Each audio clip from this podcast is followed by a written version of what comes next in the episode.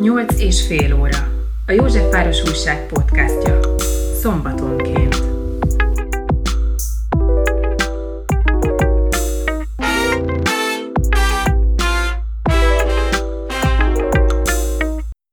Az általánosnak mondható, ha valaki nyugdíjba vonulásának napján kisebb bulit szervez a munkahelyén, de ha valaki buszsofőrként dolgozik, akkor első látásra úgy tűnhet, hogy a parti megvalósítása objektív akadályokba ütközhet. A mozgójármű nem ideális ünneplőhelyszín, de Gergely Robertet nem riasztották vissza a BKV-s körülmények. Utolsó munkanapján kézzel írott kartonpapíron a busz ablakában állt az üzenet, négytől nyugdíjas a buszsofőr. És ha már buli, akkor esemény is kell, mégpedig a Facebookon. Robert tehát íventet rittyentett a búcsúbulinak, mondván, hogy akkor utolsó BKV-s napjára kísérjék hát el rokonok, barátok és üzletfelek. Így is lett, a nem mindennapi gesztus felkeltette a budapesti sajtó érdeklődését, így a miénket is, annál is inkább, mivel Gergely Robertet nem csak a volán mögül, hanem a Tilos Rádió önkéntesei közül is ismerhetjük, és állandó szereplője Budapest éjszakai kulturális életének is. Ezen kívül politikailag is aktív, ellenzéki tüntetések visszatérő szereplője, és megmártózott a politikai aktivizmusban is, alkotott élőláncot kilakoltatások során, és együtt tüntetett a nemrég tragikusan fiatalon elhunyt Setét Jenő polgárjogi aktivistával. Én Bújdosó János vagyok, ez pedig a nyolc és fél, a Józsefváros újság podcastje. Igen, ez, a, ez az eseménynek a gondolat, ez megfogalmazódott bennem, hogy az utolsó négy munkanapomra, ami előtt egy hét szabadságon voltam, csináljak egy ilyen meghívót, amit ugye az ismerőseim látják azt, hogy a négy napból három napot a, a metrópótlon dolgozom, és ha eddig még nem utaztak velem, és szeretnék ezt a lehetőséget még kihasználni, most utolsó alkalom, uh-huh. meg lehet tenni, és el lehet jönni.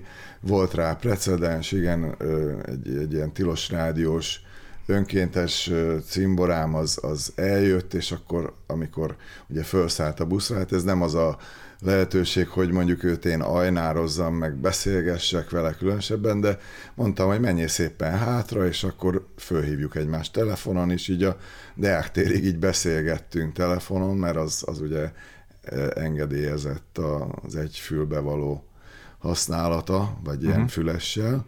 Uh-huh. Aztán a következő napon a, a, az unokámat elhozta a vejem, és ez nagyon-nagyon jól esett nekem, mert a kislány, aki öt éves, még nem utazott a nagypapával, uh-huh. és hát élvezte is, úgyhogy ez, ez nagyon meglepő volt, mert nem szóltak előre, hogy ott lesznek, és, és jöttek, és szerencsés véletlen volt, hogy én így beraktam ezzel alá a Facebook meghívó alá, hogy milyen időpontokban leszek a más, másik, más, tehát a következő napon a végállomásokon, és akkor pont ugye ő meglátta a Dani, és akkor jöttek.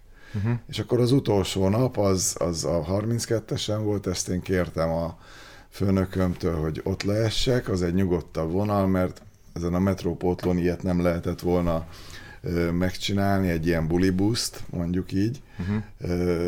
Ott, ott még hétvégén is azért erősebb a forgalom, meg sok a busz, egymás seggében járunk, így mondjuk, tehát valamikor két-három-négy busz is megy egymás után, és akkor várjuk, hogy az kimenjen a busz a megállóból, hogy a másik be tudjon állni.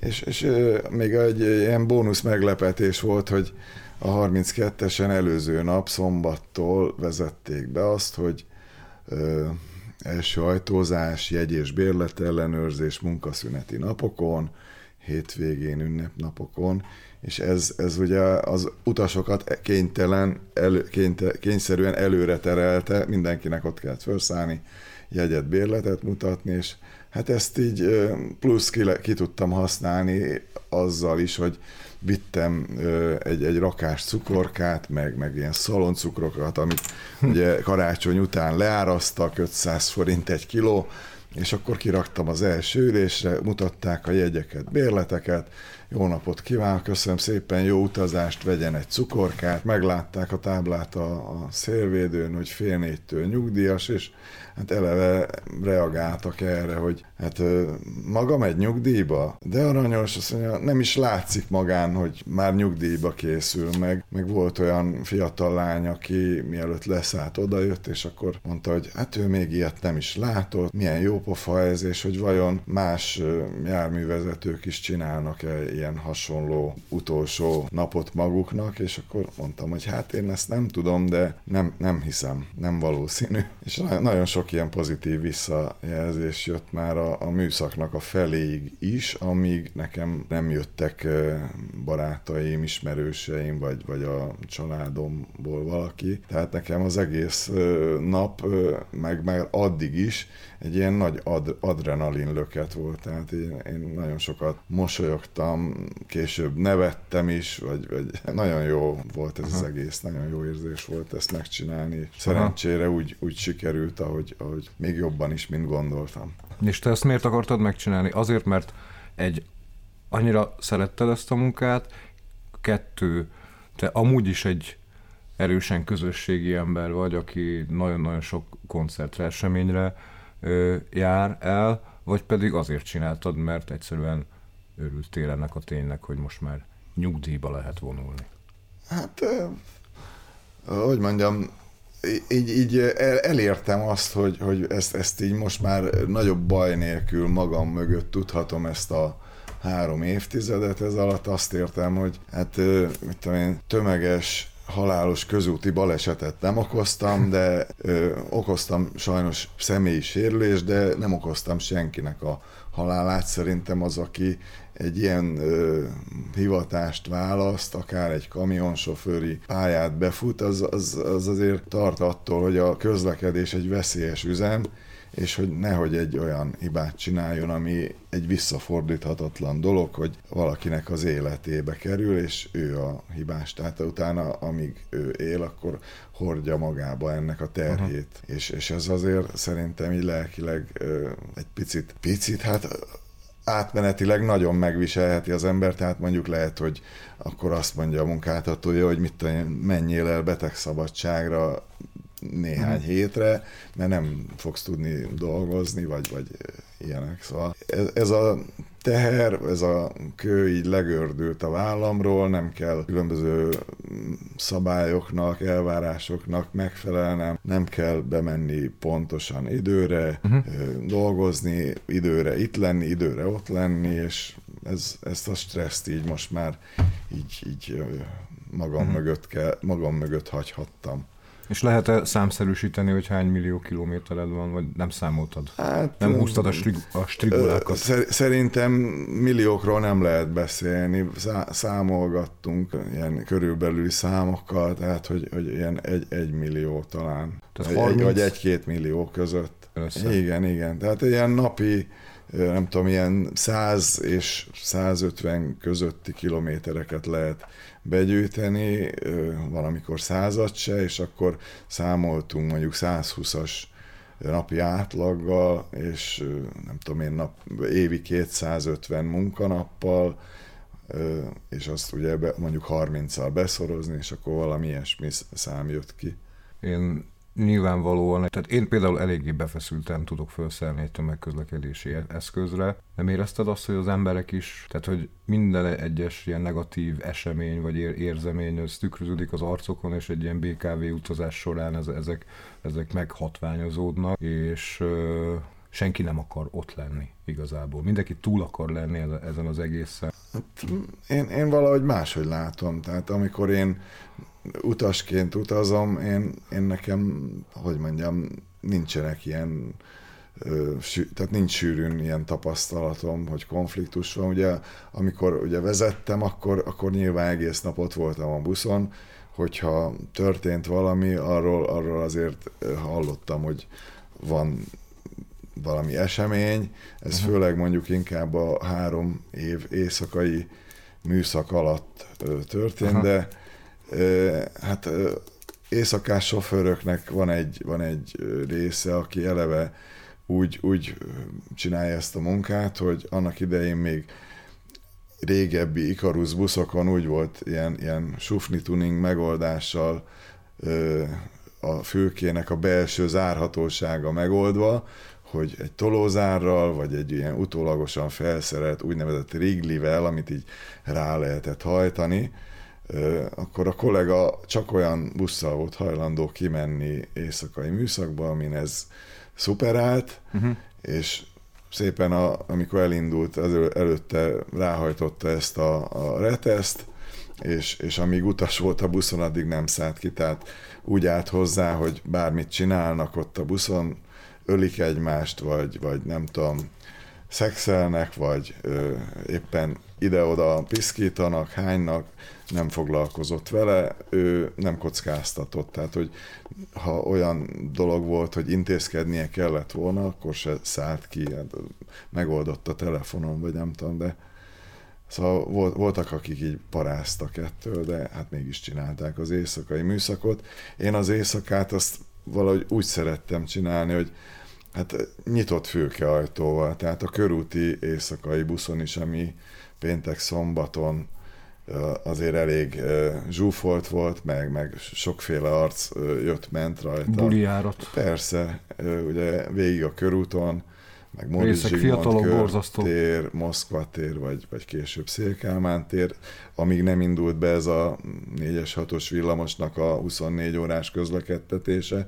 Én el, elhúzott tolóajtóval dolgoztam, ha egy mód volt rá, amikor nem volt olyan tömeg még, hogy félő volt, hogy ugye bezuhan valaki a fülkébe, és én azt szerettem, ha van élet a buszon, tehát nem amikor ilyen néma csöndben vannak az emberek, és mindenki magába van zuhanva, meg, meg olvassa a telefonján a nem tudom mit, görgeti a, a közösségi oldalt, vagy bármit csinál.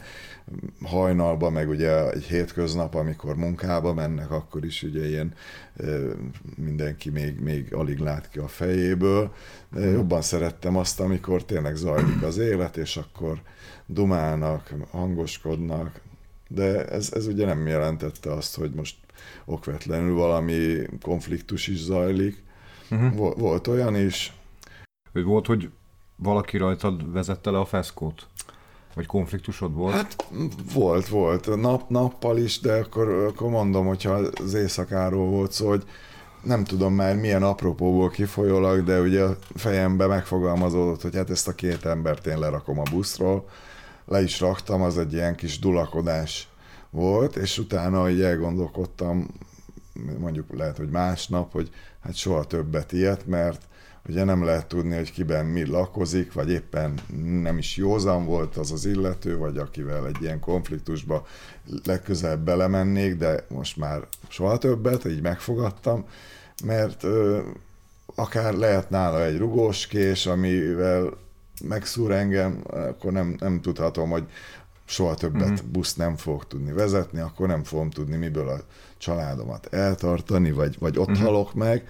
Tehát ezt, ezt így, így elrendeztem magamba. Nappali járaton, meg, meg a, az első ajtós jegyellenőrzéses, béletellenőrzéses sztoriba ugye bekerültem, és hát lehet, hogy egy kicsit komolyabban vettem ezt a feladatot, mint kellett volna, vagy mint amennyire a kollégáim vették, és ahogy csinálták előtte már évekig, és akkor volt egy-két olyan eset, amikor mondtam az utasnak, hogy olyan nem láttam, hogy mit mutat, vagy legyen kedves visszajönni, mert mivel utazik, szeretném megnézni, mert lehet, hogy a, az úttörő igazolványát mutatta, vagy, vagy nem tudom én, az opera bérletét, uh-huh. gondolta, hogy mindegy, csak mutasson valamit, és a kollégák azok úgy csinálták, lehet 10-ből 9 vagy 8, hogy hát nekik az is jó volt mert nem akartak konfliktust, én meg talán azért, mert előzőleg volt egy ilyen kis, befenyegettek mondjuk így minket, a, a BKK részéről küldtek olyan kontroll beépített embereket, hogy mutassanak lejárt bérletet, vagy használt jegyet, és hogy át tudnak-e csúszni a sofőrnek az ellenőrzésén, és ha igen, akkor ugye ment a főnökünk felé a kis levél, hogy hát ez a kollega nem jól végezte ezt a munkát, uh-huh. és e- emiatt egy picit ugye be, beparáztattak minket, és akkor így komolyabban vettük ezt a feladatot. És akkor jött Jóska mondjuk a, a Florián téren, és szeretett volna felszállni egy olyan jegyel, ami már 16-szor le volt bélyegezve, és ugye én mondtam neki, hogy legyen kedves visszajönni.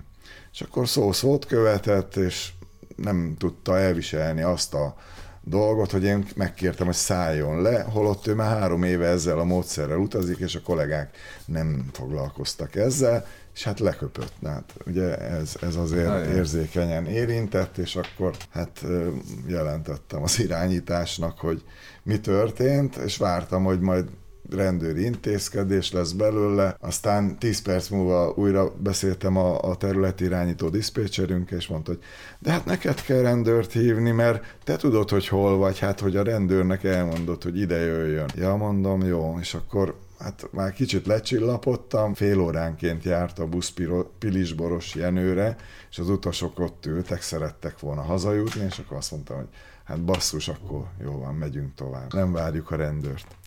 Aha. És mi volt a legnagyobb sztorid, vagy a legkedvesebb, vagy a legcukibb történeted ah. 30 év alatt?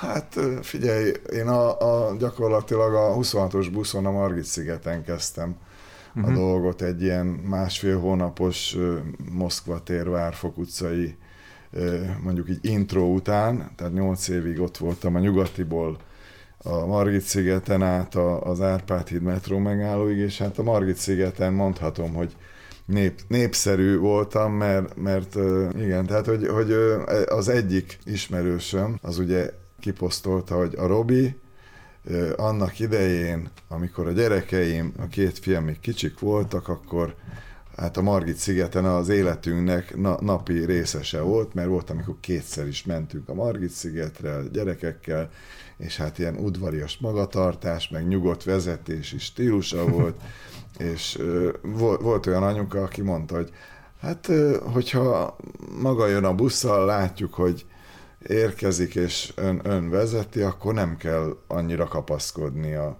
a buszon. Tehát nekem ez így jól esett, hogy, hogy jó kapcsolat volt ott azokkal a, a az utasokkal, akik babakocsival jártak ki naponta a gyerekekkel, és hát láttam a gyerekeket felnőni, ugye volt, aki először még egy gyerekkel jött, aztán kettővel, aztán már hárommal, hm. úgyhogy ez, ezek szép hm. emlékeim. Véletlenül lettem buszvezető. Aha. Úgyhogy nem ez volt a, a gyerekkori vágyam, de ez nekem az utolsó pillanatig is örömforrás volt ezt a munkát csinálni. Én én azt mondtam mindenkinek, hogy tehát volt olyan kollégám, aki azt mondta, hogy fú, ő ezt utálja, meg, meg az emberek, ilyenek, olyanok az utasok, tehát volt, oda kerültem a BKV-hez, és akkor olyan szavakat hallottam, hogy hát a, a varangyok. Hogy ezek voltak az utasok, tehát hogy volt olyan kollega, aki így nyilvánult meg.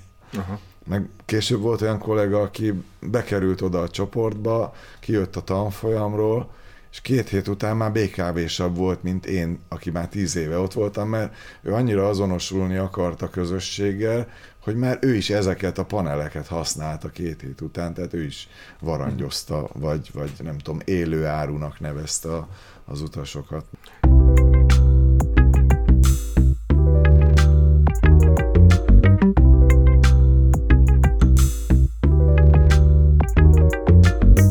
Téged a 90-es években ismertelek meg valamelyik aluljáróba, vagy a Calvin téribe, vagy, vagy a nyugati, nyugati téri aluljáróban, ahol is szerdánként a Magyar Narancs nevű kulturális politikai heti lapot terjesztetted Igen. alternatív módon, Igen. és én nagyon örültem annak, hogy, hogy csütörtök helyett nálad már szerdán is meg lehet kapni ezt a lapot. Az milyen volt az az időszak? Hogy kerültél oda? Hát elmondom, hogy én, én amikor a 90-ben ugye volt ez a ne, nem feltétlenül első szabad választás, mert volt ilyen a 40-es években is a világháború után. Tehát a harmadik magyar köztársaság hajnalán, ugye 90-ben elkezdett érdekelni ez az egész közélet, hogy, hogy mégis mik ezek az új pártok. Ugye a televízióban is megjelentek, voltak ugye reklámok, amiben elmondhatták akár még a leghülyébb párt is, nem tudom én, a, a nem, ötlábú macskáknak a boldogságáért küzdő párt is kapott műsoridőt a tévében, és hogy hát mi ez az egész, meg jönnek a választások, és pont a, a, erre az autóbuszvezetői tanfolyamra én 90 március 5-től vagyok BKV-s, és ugye a választások akkor voltak utána egy-két hónapon belül, talán áprilisban, és hát, hogy ez az egészről mit lehet tudni, megvettem a Népszabadságot. Úgy naponta olvasgattam, hogy mi, mik a hírek, és akkor érdekelt ez az egész közélet, utána elindult ez az első parlamenti ciklus, hogy van Fidesz, MDF, SDS, MSP, kisgazdák, KDNP, minden, és utána jött, jött egy olyan magyar narancs címlap, amiről így láttam azt, hogy nem tudom, a, a Sziget Fesztiválról írnak, és érdekelt nagyon a zene is, korábban is szerettem a zenét, jártam el koncertekre, LGT-re, KFT-re, aztán később a, a Kispál és a Borz lett a kedvencem, és akkor megvettem a Magyar Narancsot, és hát viszonylag rendszeres olvasója lettem. Úgy, így a nyugatiba dolgoztam 17 évig, mert a 8 év Margit sziget után volt még 9 év Rózsadom, tehát 2007-ig én ott voltam, és ugye észleltem azt, hogy az aluljáróban már szerdán meg lehet venni a Magyar Narancsot, mert ott van egy srác, akitől ezt meg lehet venni hamarabb. Illetve nem is egy volt, mert váltották egymást. Volt, amikor a Ferenciek terén volt az egyik a, a Asztóriánál, Blahaluzza tér, Kávin tér, nem tudom, oktogon, tehát többen csinálták, és, és akkor volt egy ötletem, hogy ebbe a dologba én is részt vehetnék, uh-huh. és akkor felhívtam a szerkesztőséget, és így bizalommal voltak irántam, mondták, hogy hát akkor egy szerdán jöjjek be, és akkor kezembe nyomtak egy 50 darab újságot, vagy, vagy lehet, hogy csak 25-öt. Hitelbe elvittem, hogy majd következő szerdán elszámolok vele, ha el tudom adni. És akkor így a srácokkal meg volt beszélve, hogy ki mikor hol van, ilyen vetésforgóba ment a dolog, mert, mert ennek volt egy rizikója is, hogy ez nem egy engedélyezett tevékenység volt, mert az aluljáró az közterület, és közterületfoglalási engedély kellett volna, úgyhogy időnként belefutottunk ilyen dolgokba, hogy rendőr oda jött hozzánk, és akkor ugye igazoltatott, hogy mi ez, akkor elhajtott vagy feljelentett, később a közterület felügyelet, mert a közterület felügyelők sem voltak még akkor talán, később lett létrehozva ez a testület, úgyhogy voltak ilyen bujkálások is, meg, meg azért volt ez a vetésforgó, hogy ne szokják meg azt, hogy ez az arc ott áll 8 órát az aluljáróban, hanem akkor déltől négyig volt valaki, aztán egy másik valaki. Úgyhogy és így, így csináltam ezt 15 évig körülbelül. És kialakult akkor ott egy ilyen stabil ügyfélköröd? Persze, én, én persze. Azt, azt képzelem, hogy, hogy, hogy akkor egy csomó olyan embert megismertél, aki, aki érdeklődött e, e, e, fel, e felé a a, hát hasonló, alternatív kultúra felé. gondolkoztunk, igen, mert a Magyar Narancsnak volt, volt egy, egy ilyen politikai beállítottság, egy ilyen szabad elvűség, és az egyetlen olyan orgánum volt talán, aki, akiknek a szerkesztői, szerkesztőségi cikkben ugye leírták azt, hogy kedves olvasó, vasárnap választások lesznek. Ez Amerikában egyébként szokás volt majdnem minden ilyen médiumnál, hogy ha, ha ránk hallgatsz, akkor vasárnap ide teszed az X-et, mert erre a pártra mi azért szavaznánk, mert erre a pártra meg azért szavaznánk, mert... Emiatt sokan nem szerették őket egyébként, hogy ilyen nyíltan ez megjelent a igen, vezércikben. De hogy mondjam, én úgy voltam velük, hogy valójában ők ö, megfogalmazták azokat a gondolatokat, amit én nem tudtam megfogalmazni. Tehát a, véleményalkotók voltak. És a mai napig is, ugye a főszerkesztőjük, a Bojtár Endre, az, az a Tilos Rádióban is műsorkészítő, és sok mindenről ugye elmondja a véleményét, és az egyik kedvenc műsorom a, a Cabán Gyurival, Ronauer Ádámmal csinálják, most meg a Pálos Gyurival Tehát így, így A haza és haladás, ugye? haza és haladás. Az Igen. egyik kedvenc műsorom. De te nem vagy műsorkészítő, csak Nem, egy nagyon nem. aktív, ö, Hát mindennapos hallgató. is vagyok a rádiónak, ami annyit jelent, hogy, hogy amikor ilyen adománygyűjtő maraton van, akkor, akkor részt veszek abba a munkába, ami ott az adománygyűjtés, vagy, vagy más egyéb munka, tehát, illetve támogatójuk vagyok, tehát most már egy százalékot nem tudok majd adni nekik, de anyagilag is támogatom a rádiónak a létét. Te már említettem, hogy, hogy egy nagy közösségi ember vagy, nagyon gyakran lehet látni téged koncerteken, ilyen közösségi eseményeken. A fizetésed mekkora hány százalékát költötted el koncertbelépőkre? Hát nem tudom így százalékosan megmondani, de hát egy, egy része az ugye, hát nem tudom most, ha, ha elmegyek mondjuk heti egy alkalommal koncertre, az egy koncert egy pár ezer forint, most az havi mondjuk tízezer forint, de van, amikor, hát amit rá, rám nézel, egy, egy pulóver mulató asztékok felirattal, ez mondjuk tízezer forint. Egy sapka, amit tőlük megvettem, most az is egy ilyen támogatás, hogy 6000 forintért megrendeltem egy sapkát, tehát a koncertek után is lehet akár fizikai hanghordozót, CD-t venni, vagy most már vinillemezt is, amiben ott van egy letöltőkód, tehát egy, egy Gustav Tiger zenekarnak a, a lemezét megvettem, 7500 forint, akkor ez egy ilyen support, hogy a zenészeknek legyen egy kis pénzük, hogy ne Mhm. csak a, a gázsiból ö, legyen megélhetésük, meg, meg nagyon sok zenész, ugye hát ezt te nagyon jól tudod, hogy nem biztos, hogy a zenéből meg tud élni, hanem akkor van egy teljes állás, és amellett még csinálja azt, hogy Uh-huh. turnéra megy, próbál, nem tudom én, A te korosztályodra azért nem feltétlenül az a legjellemzőbb, hogy, hogy ennyire up-to-date így a, akár ilyen 20 éves zenekarok dolgait illetően. Mert akik eh, mulató asztékok is, meg Gustav Tiger is, akit említettél, ezek, ezek tök fiatal zenekarok. Hogy, van- hogy van ez nálad? nem tudom, azáltal, hogy én ebből a közegből így szemlátomást kilógok, hogy idősebb vagyok, az, az eleinte fura tekinteteket is ugye bevonz, mert hát így gondolja magába egy fiatal, hogy hát ez a vén faszi, ez vajon mit keres itt? Tehát most is volt nemrég egy ilyen élményem, amikor a Rhodes kocsmába voltam, ami egy ilyen hip-hop, meg, meg regi közeg, és, és egy olyan esemény volt, ahol, ahol beatmakerek, meg, meg egy HRK nevű srác, aki ez a HRK, ez hurkát is jelent, tehát ő, ő reppelt, és ő így elmondta nekem, hogy hát eleinte, amikor én, ő, ő látott engem ilyen hip-hop eseményeken, akkor tényleg így meg volt egy kicsit ütközve, hogy, hogy ez a boomer arc, ez vajon mit, mit keres itt, de, de utána látta azt, hogy én, én ott a helyemen vagyok, és így ismerek arcokat, és azt mondja, hogy teljesen így elfogadta, hogy oké, okay, ez így rendben van. És, és akkor azt mondja, szemlátomást, egy boomer arc vagy, de belül meg tök fiatal.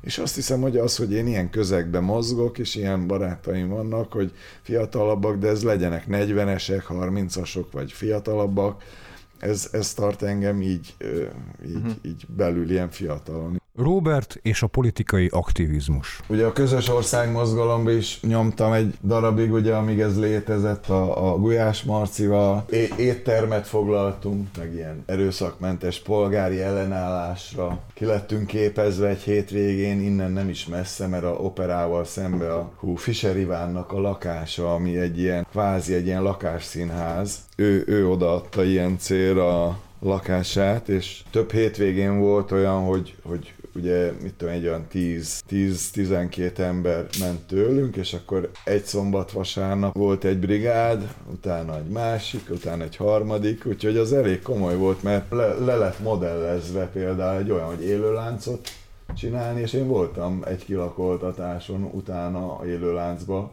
Hát ott a Nagyvárad tér közelében. Hát egy, egy ö, színész, aki a K-ba játszott, aztán össze is futottam vele egyszer a 14-es villamoson. Ő volt ott, aki ugye így, így eljátszott egy ilyen rendőrt, meg, meg volt, tehát ők hárman voltak azt hiszem, és talán a másik kettő is színész volt, vagy, vagy ugye ezt a szerepet megfelelő módon eljátszani képes szereplő, vagy felkért valami amatőr ilyen, hogy mondjam, a, a, a az, az volt a feladat, hogy ugye mi alkossunk élő láncot, üljünk le, és akkor ők meg megpróbáltak először ugye lelkileg hatni ránk, hogy ugye menjünk a picsába, ugye akik a rendőröket játszották, a színész meg a két társa, mm. vagy egy, és utána meg megpróbáltak szétszedni. És az ugye elég kemény fizikai küzdelem volt, hogy, hogy leültünk, és akkor tudod így, hát ugye összekulcsolva a karok így egymás mellett, és akkor hát mit tudom én így Uh-huh. És akkor ők azt próbálták szétszedni, szétrángatni, és el, el, elég erős küzdelem volt, tehát ugye mit tudom, két ember oda, de ezt, ezt lejátszottuk élesbe rendőrökkel is, amikor valódi kilokaltatáson voltam is. Szóval neked azért van egy erős, igen erős közéleti érdeklődésed Persze, is. persze. Tehát és el, már... elég sok tüntetésen így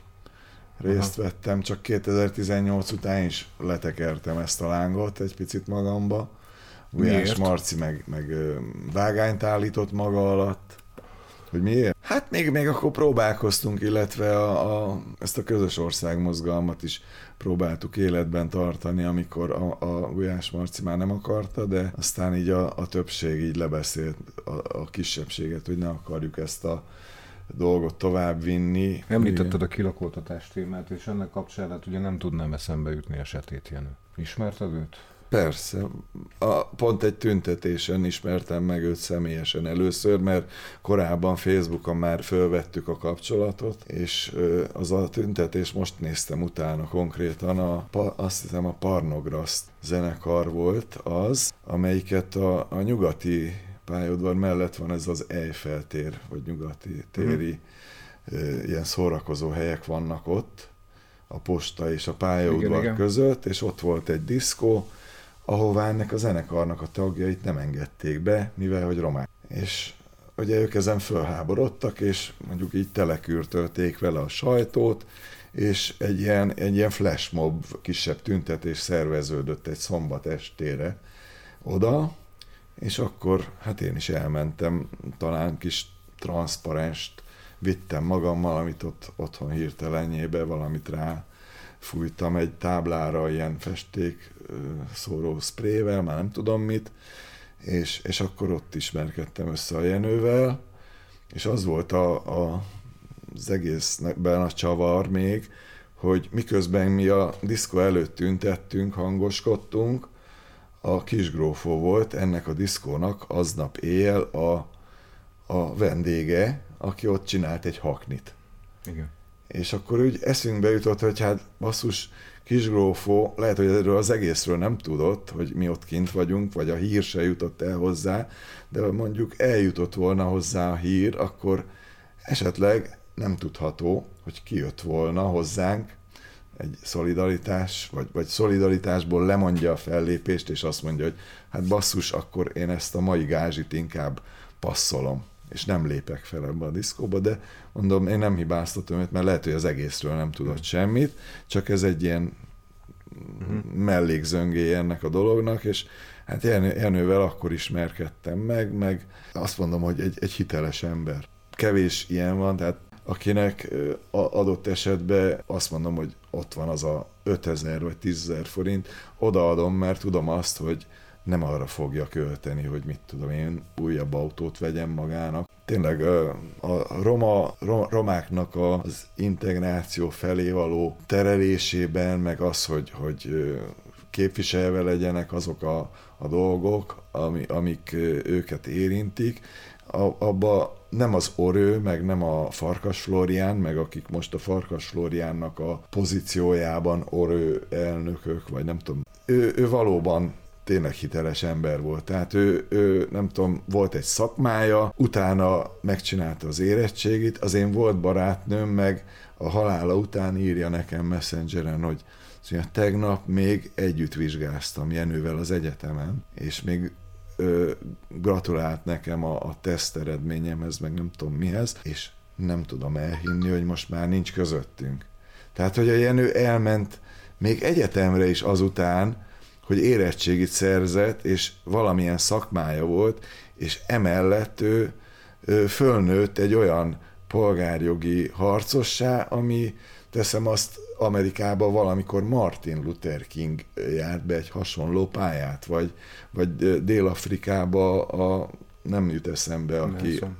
Nelson Mandela, akit bebörtönöztek. De mindig fölemelte a szavát, amikor valami olyan volt, és lehet, hogy nem szólalt meg más, de Jenő megszólalt. Tehát én ugye láttam, és, és ugye a tragikus, most volt a születésnapja. És akkor látom, és akkor rákeresek ugye az oldalára, és ott van egy videó. El, előbb láttam, hogy a lánya, az Eleonora ugye kiírta, hogy ugye mi történt. Görgetek lejjebb, vagy átmentem a közszereplői oldalára, Setét Jenő Brada, és akkor látom a videót, hogy egy percben, két percben megköszönte élőbe a születésnapi köszöntéseket. És hogy így megyünk tovább, és hogy, hogy az édesanyámnak a fiú testvérei egyik se élte meg az 50 évet. Érted? Édes Istenem, ezt elmondja, és utána meghal egy pár óra múlva.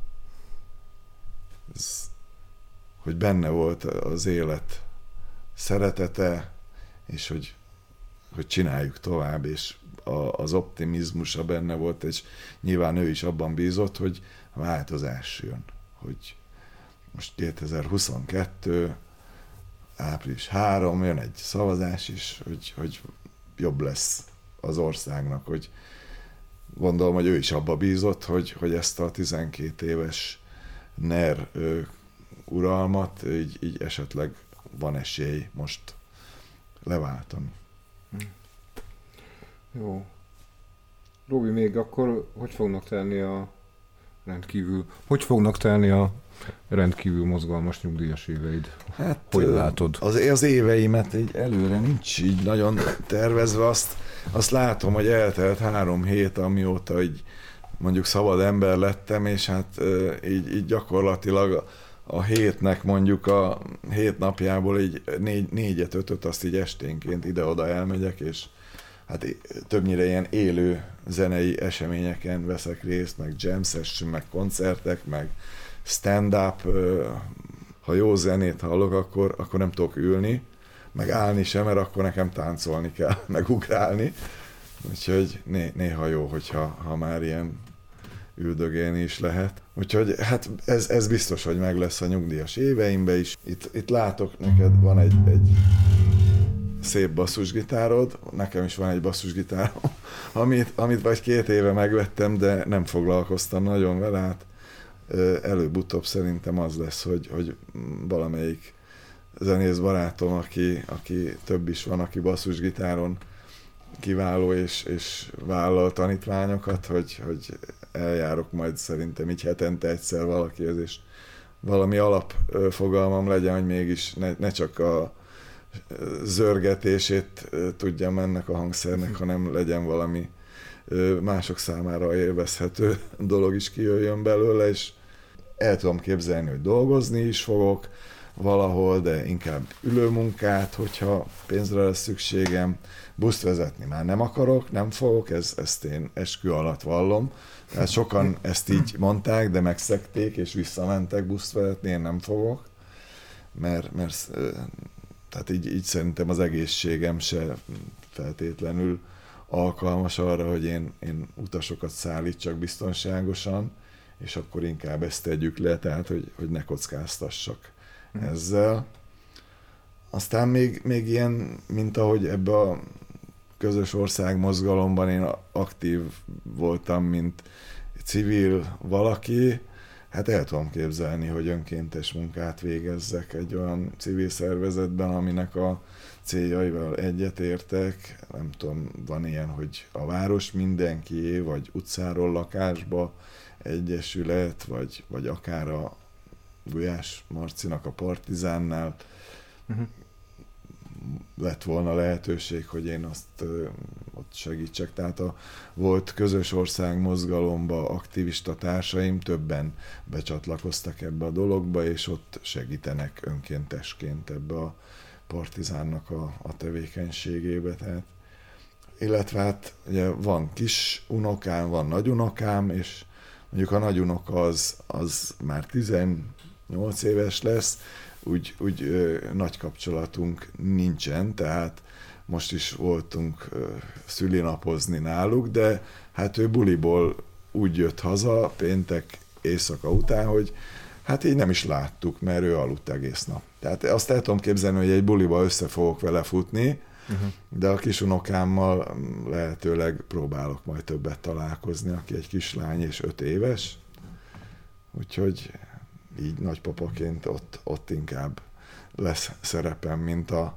a tinédzser fiú mellett, aki meg akarom jegyezni, hogy nagyon büszke vagyok rá, mert nagyon jó futballozik, és a, az erdőkertesi ifi csapatban is ö, szerepel, meg a felnőtt csapatban is most már időnként hívják.